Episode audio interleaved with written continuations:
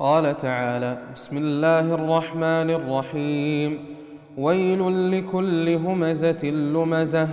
الذي جمع مالا وعدده. يحسب أن ماله أخلده. كلا لينبذن في الحطمة. وما أدراك ما الحطمة. نار الله الموقدة. التي تطلع على الأفئدة إنها عليهم مؤصدة في عمد ممددة. بسم الله الرحمن الرحيم. ويل ويل وادي في جهنم وقيل ويل الثبور دعاء عليهم. الخسار. ويل لكل همزة لمزة الهمز يكون بالفعل واللمز يكون بالقول. يقول أهل العلم الهمز بالفعل تطنز بالفعل تحريك العين أو باليد أو ما شابه ذلك. واللمز بالقول استهزاء بالناس. الله تبارك توعد هؤلاء الهمزة اللمزة فإن كان هؤلاء الهمزة اللمزة يهمزون ويلمزون الدين فهؤلاء كفار. قل أبي الله وآياته ورسوله كنتم تستهزئون لا تعتذروا قد كفرتم. بعد إيمانكم. وإن كان الهمز واللمز للناس هذه من كبائر الذنوب.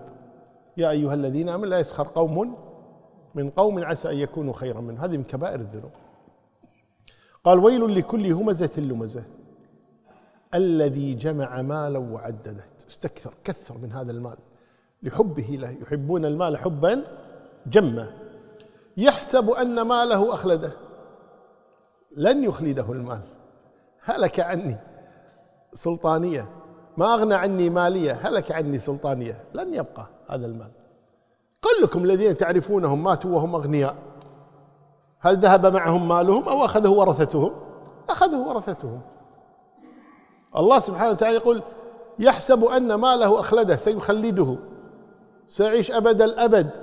بل بعضهم في حياته لا يستفيد من ماله.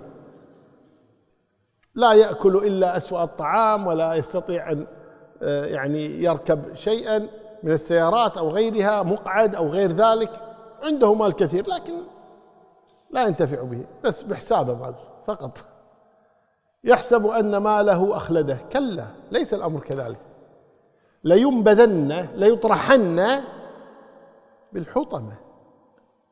ثم قال وما أدراك ما الحطمه قال نار الله الموقدة. هي الحطمة. وهذا من أسماء النار. من أسماء النار الحطمة نار الله الموقدة. قال التي تطلع على الأفئدة أي تصل إلى أفئدتهم والعياذ بالله. هذه النار. إنها عليهم مؤصدة أي مغلقة في عمد ممددة أي هناك أبواب تغلق عليهم في نار جهنم والعياذ بالله. نعم.